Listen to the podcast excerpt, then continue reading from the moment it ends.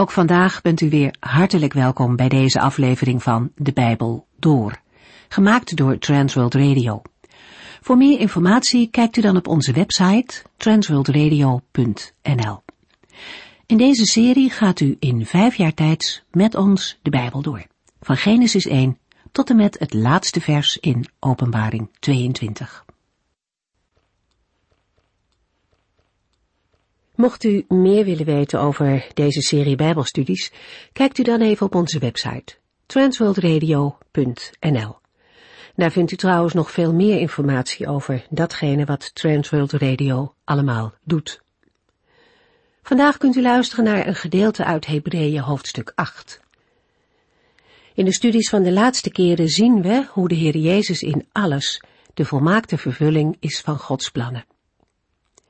De oud-testamentische eredienst was als het ware een voorbeeld van wat er nog ging komen. Zoals een schaduw de contouren laat zien van de werkelijkheid, zo laat het Oude Testament in beelden al iets zien van Christus. We hebben er in de vorige keren bij stilgestaan dat de Heer Jezus er altijd zal zijn om onze belangen bij God te behartigen. En dat is ook het unieke aan het evangelie. Jezus Christus kan ons volledig verlossen. Daar kan geen mens wat aan toevoegen. Zelfverlossing is niet mogelijk, maar gelukkig ook niet nodig. Er is één verlosser, Jezus Christus. Hij kan alle zonden vergeven, of ze nu in het verleden zijn gebeurd of nog in de toekomst liggen. Hij heeft eens en voorgoed alle zonden uitgewist toen hij zichzelf offerde aan het kruis. In de Hebreeën lezen we ook over het hemelse heiligdom, waar de Heere als hoge priester zijn ambt uitoefent. Dat heiligdom wordt de ware tabernakel genoemd. De aardse tabernakel die Mozes moest maken, was een afbeelding van dit hemelse heiligdom. Nou moeten we ons dit hemelse heiligdom niet als een soort bouwwerk voorstellen, maar als een geestelijke werkelijkheid. De aardse tabernakel of tempel is een materiële voorstelling van de manier waarop God de Vader met zijn gelovigen wil omgaan. Het woord dat in de Griekse tekst voor heiligdom wordt gebruikt, heeft betrekking op het heiligste deel daarvan, het heilige der heiligen.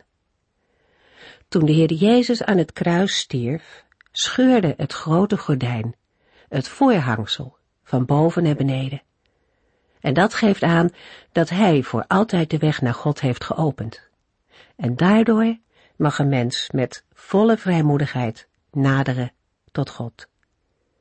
Tijd om verder te lezen in Hebreeën 8 vanaf vers 6. In de vorige uitzendingen memoreerden we al dat door het noemen van Mozes en de berg automatisch de verbondsluiting binnen het gezichtsveld komt. In Hebreeën 8 vers 6 vindt dan ook de overgang plaats van de behandeling van het betere hoge priesterschap naar het betere verbond. Hebreeën 8 vers 6 Maar Christus, de hemelse priester, heeft een veel belangrijker taak gekregen dan de priesters van Israël. Door zijn bemiddeling heeft God een nieuw verbond met de mensen gesloten, dat beter is, omdat het op betere beloften steunt.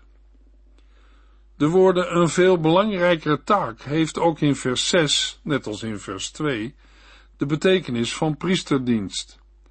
Christus, de hemelse priester, heeft een veel belangrijker priesterdienst gekregen dan de priesters van Israël.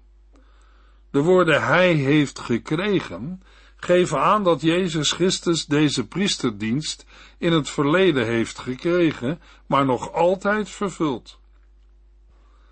Zijn priesterdienst is veel belangrijker dan die van de Levitische priesters, net als het verbond beter is, waar zijn priesterdienst deel van uitmaakt. Bij de woorden door zijn bemiddeling moeten we niet alleen denken aan een tussenpersoon tussen God en mensen, maar aan een bemiddelaar bij het tot stand komen van het verbond, en aan iemand die garant staat voor de uitvoering ervan. Het nieuwe verbond kwam tot stand door het offer van Jezus Christus. Het is beter, omdat er binnen dit verbond volkomen redding en reiniging van zonde mogelijk is, en omdat het op betere beloften is gebaseerd.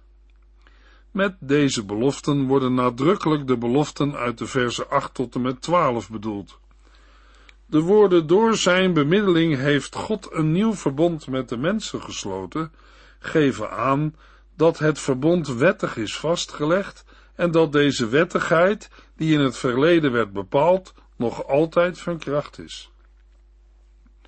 Het nieuwe verbond heeft wel degelijk een door God verleend wettig gezag en rechtskracht.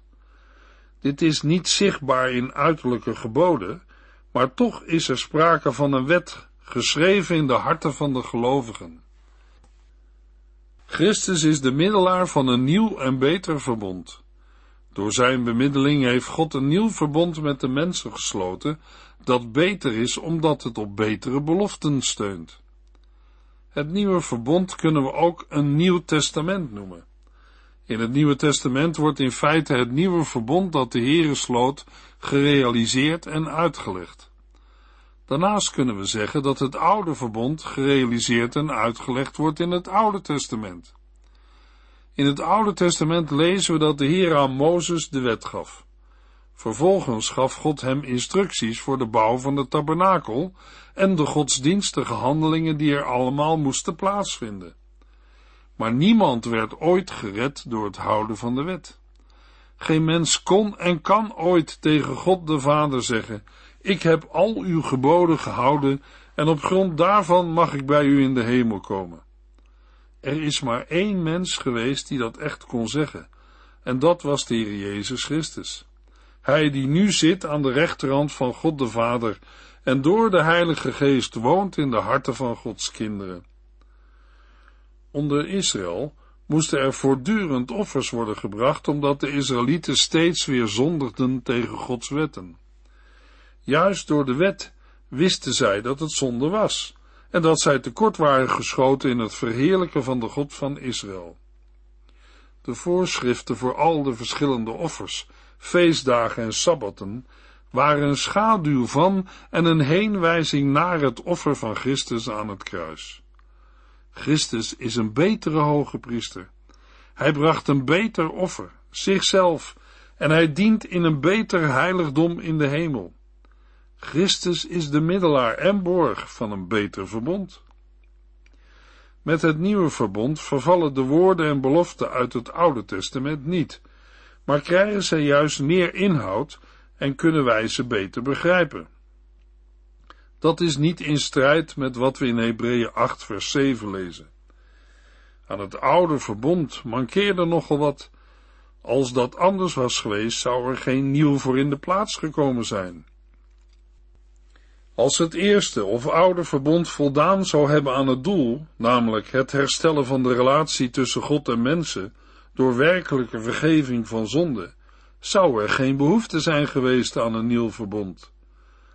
Uit de woorden aan het oude verbond mankeerde nogal wat, mogen we niet de conclusie trekken dat het een verkeerd verbond was.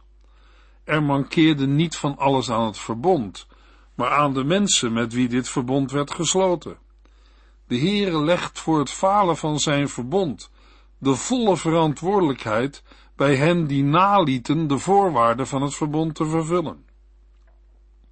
We lazen het al in Hebreeën 7 vers 19. Het lukte niemand om met God in het reine te komen. Dat wil zeggen door het houden van de wet. Het spreken van de Heere over een nieuw verbond in de profetieën van Jeremia 31 is op zichzelf al een teken dat het oude verbond van de Sinaï een voorlopig karakter had en eens zou worden vervangen. Maar God berispt het volk met de woorden: Er komt een tijd dat ik een nieuw verbond met het volk van Israël en het volk van Juda zal sluiten. Zoals we bij het vorige vers al zeiden, de kritiek van de Heer op het oude verbond geldt niet zozeer het verbond zelf, als wel het volk van het verbond Israël. Na de woorden, maar God berispt het volk met de woorden, volgt er in de verse 8 tot en met 12 een citaat uit Jeremia 31. Een afwijking ten opzichte van de Septuaginta, de Griekse vertaling van het Oude Testament, zijn de woorden ik zal voltooien in plaats van ik zal sluiten.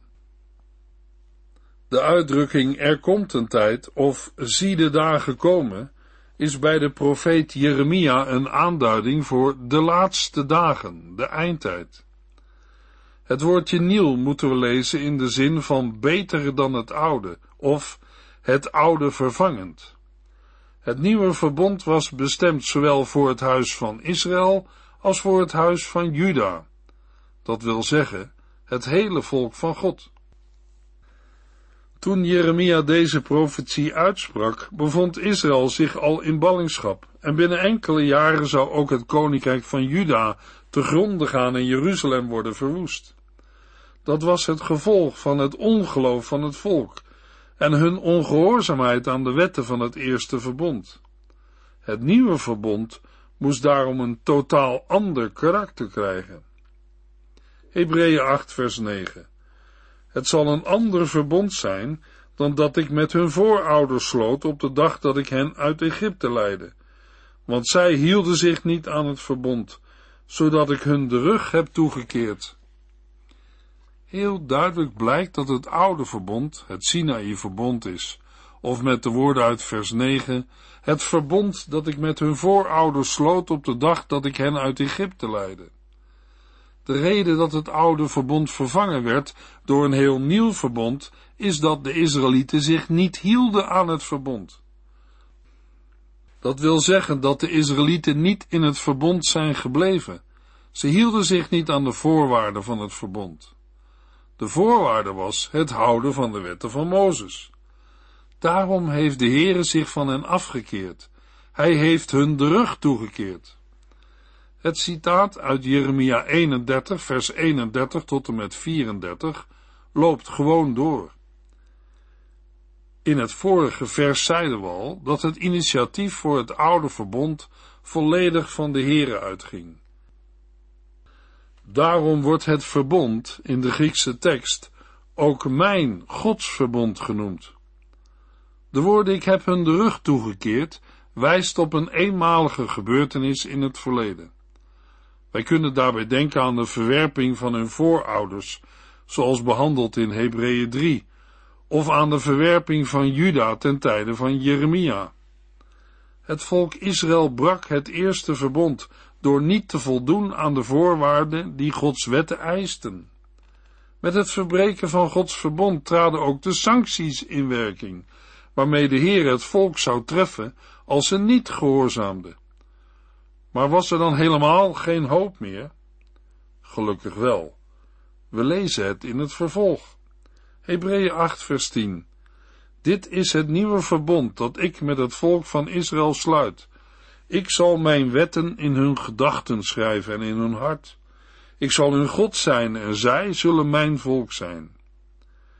Het eerste grote verschil waaruit blijkt dat het nieuwe verbond van een ander soort is dan het verbond met hun voorouders, is gelegen in de wetgeving die bij het oude verbond hoort.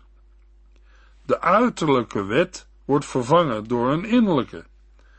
Bij het oude verbond bestond de wet uit geschreven voorschriften, geboden en verboden.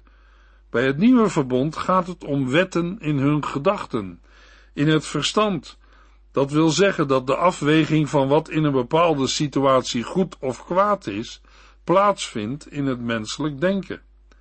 De wetten van het oude verbond, de tien geboden, waren door de Heer in stenen tafelen of plakettes gegrift. Maar nu worden de wetten in de harten van de mensen geschreven. Dat wil zeggen dat zij deel gaan uitmaken van de menselijke persoonlijkheid. Het inzicht in de wil van God en de bereidheid deze wil te volbrengen zal in de toekomst van binnenuit komen. Hoewel het citaat uit Jeremia dit niet uitdrukkelijk zegt, blijkt uit Ezekiel 36 dat dit mogelijk is door de inwoning van de Heilige Geest in de gelovigen. In Ezekiel 36, vers 26 en 27 zegt de oppermachtige Heere, Ik zal u een nieuw hart geven en nieuwe en goede verlangens, en een nieuwe geest in u planten. Ik zal uw versteende hart wegnemen en u een nieuw hart van vlees ervoor in de plaats geven. Doordat mijn geest in u zal wonen, zult u mijn wetten gehoorzamen en doen wat ik van u vraag. De woorden van de apostel Paulus in 2 Korintiërs 3 bevestigen dat de Heilige Geest dit ook werkelijk doet in harten van mensen. We lezen in 2 Korintiërs 3 vers 3 waar Paulus aan de gelovigen schrijft, men kan zien dat u een brief van Christus bent, die door ons geschreven is, niet een brief met pen en inkt geschreven of in steen gebeiteld, maar een brief die door de Heilige Geest in harten van mensen gegrift is. Daardoor worden zij andere mensen. Het doel van het nieuwe verbond is een werkelijke relatie tot stand te brengen tussen de Heer en zijn volk Israël, als ook met alle niet-Joden die hun vertrouwen op Christus hebben gesteld. Al in Exodus 6 vers 4 tot en met 8 zegt de Heere tegen Mozes, En nu heb ik de onderdrukking van het volk Israël als slaven van de Egyptenaren gezien, en ik heb mij mijn verbond herinnerd. Daarom moet u de afstammelingen van Israël vertellen dat ik mijn enorme macht zal gebruiken en grote wonderen zal doen om hen uit de slavernij te bevrijden. Ik zal hen aannemen als mijn volk en ik zal hun God zijn. En zij zullen weten dat ik, de Heere, hun God ben, die hen heeft gered van de Egyptenaren. Ik zal hen brengen naar het land dat ik Abraham, Isaac en Jacob al heb beloofd. Het zal hun toebehoren. Herhaaldelijk wordt deze belofte door de Heere herhaald, onder andere in Leviticus 26 vers 12 tot en met 42, inclusief de sancties bij ongehoorzaamheid en niet luisteren. In het Nieuwe Testament worden de beloften van de Heere niet alleen herhaald voor Israël, maar ook betrokken op niet-Joden die hun vertrouwen hebben gesteld op de Heer Jezus Christus. Een Bijbelgedeelte waarin we dat lezen, vinden we in 2 Korintiërs 6 vers 16 tot en met 18, waar we lezen. Wat voor eenheid kan er bestaan tussen Gods tempel en die van de valse goden? Ja, wij, de gelovigen uit Joden en niet-Joden, zijn de tempel van de levende God, die heeft gezegd, ik zal bij hen wonen en bij hen zijn. Ik zal hun God zijn en zij zullen mijn volk zijn. Ga daarom uit hun midden weg. Keer u van hen af en raak het onreine niet aan. Dan zal ik u aannemen. Ik zal uw vader zijn en u zult mijn zonen en dochters zijn, zegt de Heere, die alle macht heeft. De profeten van het Oude Testament hebben voortdurend gewaarschuwd dat het dienen van de Heere onverenigbaar is met het dienen van afgoden. Laat staan dat de afgoden in de tempel van God konden worden vereerd. Dan klinkt plotseling, ja, wij zijn de tempel van de levende God. De gelovigen, uit Joden en niet-Joden, vormen samen de tempel van God. De stelling dat de gelovigen de ware tempel van God vormen, wordt door Paulus beargumenteerd met een aanhaling uit het Oude Testament. Deze aanhaling wordt in de Hebreeuwse tekst voorafgegaan door de zeer krachtige inleidingswoorden, zoals de Heere heeft gezegd. Daarmee krijgt het citaat een onherroepelijk en onontkoombaar karakter. Bij het citaat zelf gaat het om een vrije aanhaling uit Leviticus 26 vers 12, waar de Heere belooft te midden van zijn volk te zullen wonen. Uit vers 8 tot en met 10 van hoofdstuk 8 van het Bijbelboek Hebreeën komt de boodschap van de Heere tot de Joodse christenen. Er komt een tijd dat ik een nieuw verbond met het volk Israël en het volk van Juda zal sluiten. Eerst moet een bepaalde periode worden afgesloten voordat de heilstijd, het laatste der dagen, aanbreekt. Dan zal de Heere zijn wetten in hun gedachten schrijven en in hun hart, zodat zij, Israël en Juda, het hele volk, in staat zullen zijn de Heere te gehoorzamen.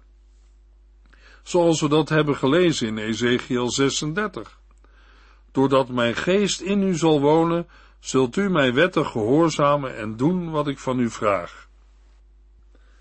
Hebreeën 8, vers 11. Niemand zal tegen zijn vriend, broer of buurman hoeven te zeggen: Jij moet de Heere ook leren kennen, want van klein tot groot zal iedereen mij kennen. In het nieuwe verbond is er nog een tweede verschil met het oude verbond.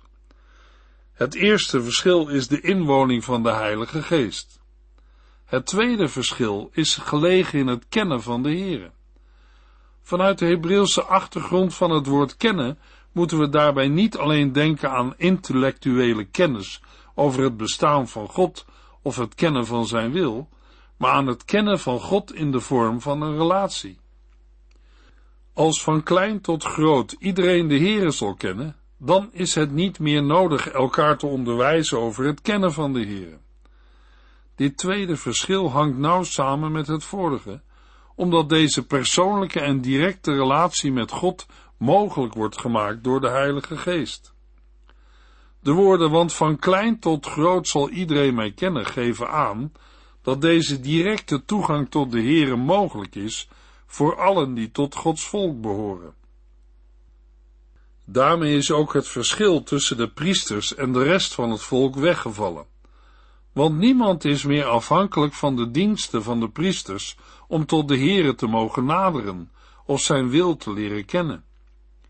Want de Heere gaat ervoor zorgen dat door de inwoning van zijn Heilige Geest het zover komt dat niemand tegen zijn vriend, broer of buurman zal hoeven te zeggen: Jij moet de Heere ook leren kennen, want van klein tot groot zal iedereen mij kennen. Overigens houdt het kennen van de Heere binnen het nieuwe verbond niet in dat er in het geheel geen onderwijs hoeft te worden gegeven. Want ook de schrijver van het Bijbelboek Hebreeën geeft onderwijs. Soms leeft bij gelovigen de gedachte: de Heilige Geest zal mij Gods woord wel te binnen brengen als het nodig is. Luisteraar, in de goede zin van het woord geloof ik dat zeker. Maar als wij met deze woorden onder een regelmatig bezoeken van de Bijbelstudie willen uitkomen, dan zitten we op een verkeerd spoor. De Heilige Geest zal ons geen teksten te binnenbrengen waar u, jij en ik te lui voor waren om ze te lezen en te overdenken. In dat geval moeten wij misschien toch tegen elkaar zeggen, jij moet de Heere ook leren kennen. Hebreeën 8 vers 12 Ik zal hun overtredingen vergeven en niet meer aan hun zonde denken. Met vers 12 komen we op een derde verschil tussen het nieuwe en oude verbond. Binnen het oude verbond konden de regelmatig gebrachte offers nooit voorgoed met de zonde afrekenen. Maar met het nieuwe verbond belooft God vergeving van zonde, zonder dat deze afhankelijk zijn van een tegenprestatie van de zondaar. Immers, juist door het falen van de mensen was het oude verbond verbroken. De vergeving van de zonde is tegelijk de basis voor de nieuwe verhouding tussen God en zijn volk. Een gevolg van deze vergeving van zonden door de Heere is dat de offerdiensten van het oude verbond overbodig zijn geworden. Dat de Heere genadig is, betekent natuurlijk niet dat God deze overtredingen door de vingers ziet of aanvaardt. Nee, hij zal hun overtredingen vergeven en niet meer aan hun zonde denken. Veel handschriften vullen in het citaat van Jeremia de ongerechtigheden, overtredingen en zonden nog aan met de wetteloosheden. Waarschijnlijk wordt daarmee gedoeld op overtredingen tegen de wet van Mozes. Uit voorgaande en dat wat nog volgt zal het duidelijk zijn dat het nieuwe verbond en de vergeving van zonden en overtredingen alleen gebaseerd is op het verzoenend offer van Jezus Christus. Hebreeën 8 vers 13 Als God het over een nieuw verbond heeft, wil hij daarmee zeggen dat het eerste verouderd is, en alles wat oud en versleten is, wordt vroeg of laat afgedankt. In vers 13 volgt de conclusie uit het citaat van Jeremia 31. Al in de betekenis van het woordje nieuw ligt besloten dat het niet alleen om nieuw, maar ook om beter en vervangend gaat. Wanneer de Heer dan ook in vers 8 spreekt over een nieuw verbond, heeft het eerste, het oude verbond, afgedaan. De woorden hij wil daarmee zeggen dat het eerste verouderd is, houdt in dat het spreken van de Heer in het verleden gevolgen heeft in het heden. Ook al bestonden ten tijde van het schrijven van het Bijbelboek Hebreeën de instellingen van het oude verbond nog, ze hadden in Gods ogen geen bestaansrecht meer en moesten wel spoedig verdwijnen. Met de woorden en alles wat oud en versleten is, wordt vroeg of laat afgedankt, heeft de schrijver dan ook tevens op profetische wijze het ophouden van de tempeldienst na de verwoesting van Jeruzalem in 70 na Christus voorzegd.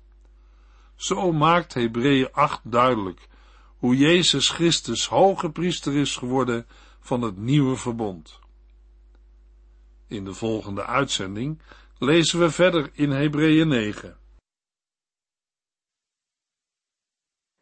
U heeft geluisterd naar De Bijbel Door, in het Nederlands vertaald en bewerkt door Transworld Radio. Een programma waarin we in vijf jaar tijd de hele Bijbel doorgaan.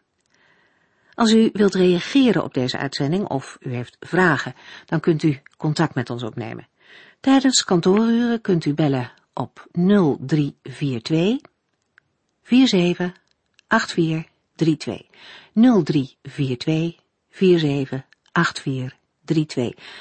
Ook kunt u een e-mail sturen naar de en natuurlijk kunt u ook via de post ons bereiken.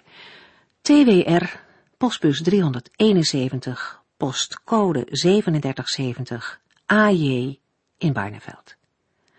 Dit programma werd gepresenteerd door Cor Weda en Ike André. Techniek was in handen van Odin van Voorkom. En wij allemaal bedanken u voor het luisteren. Graag tot de volgende keer.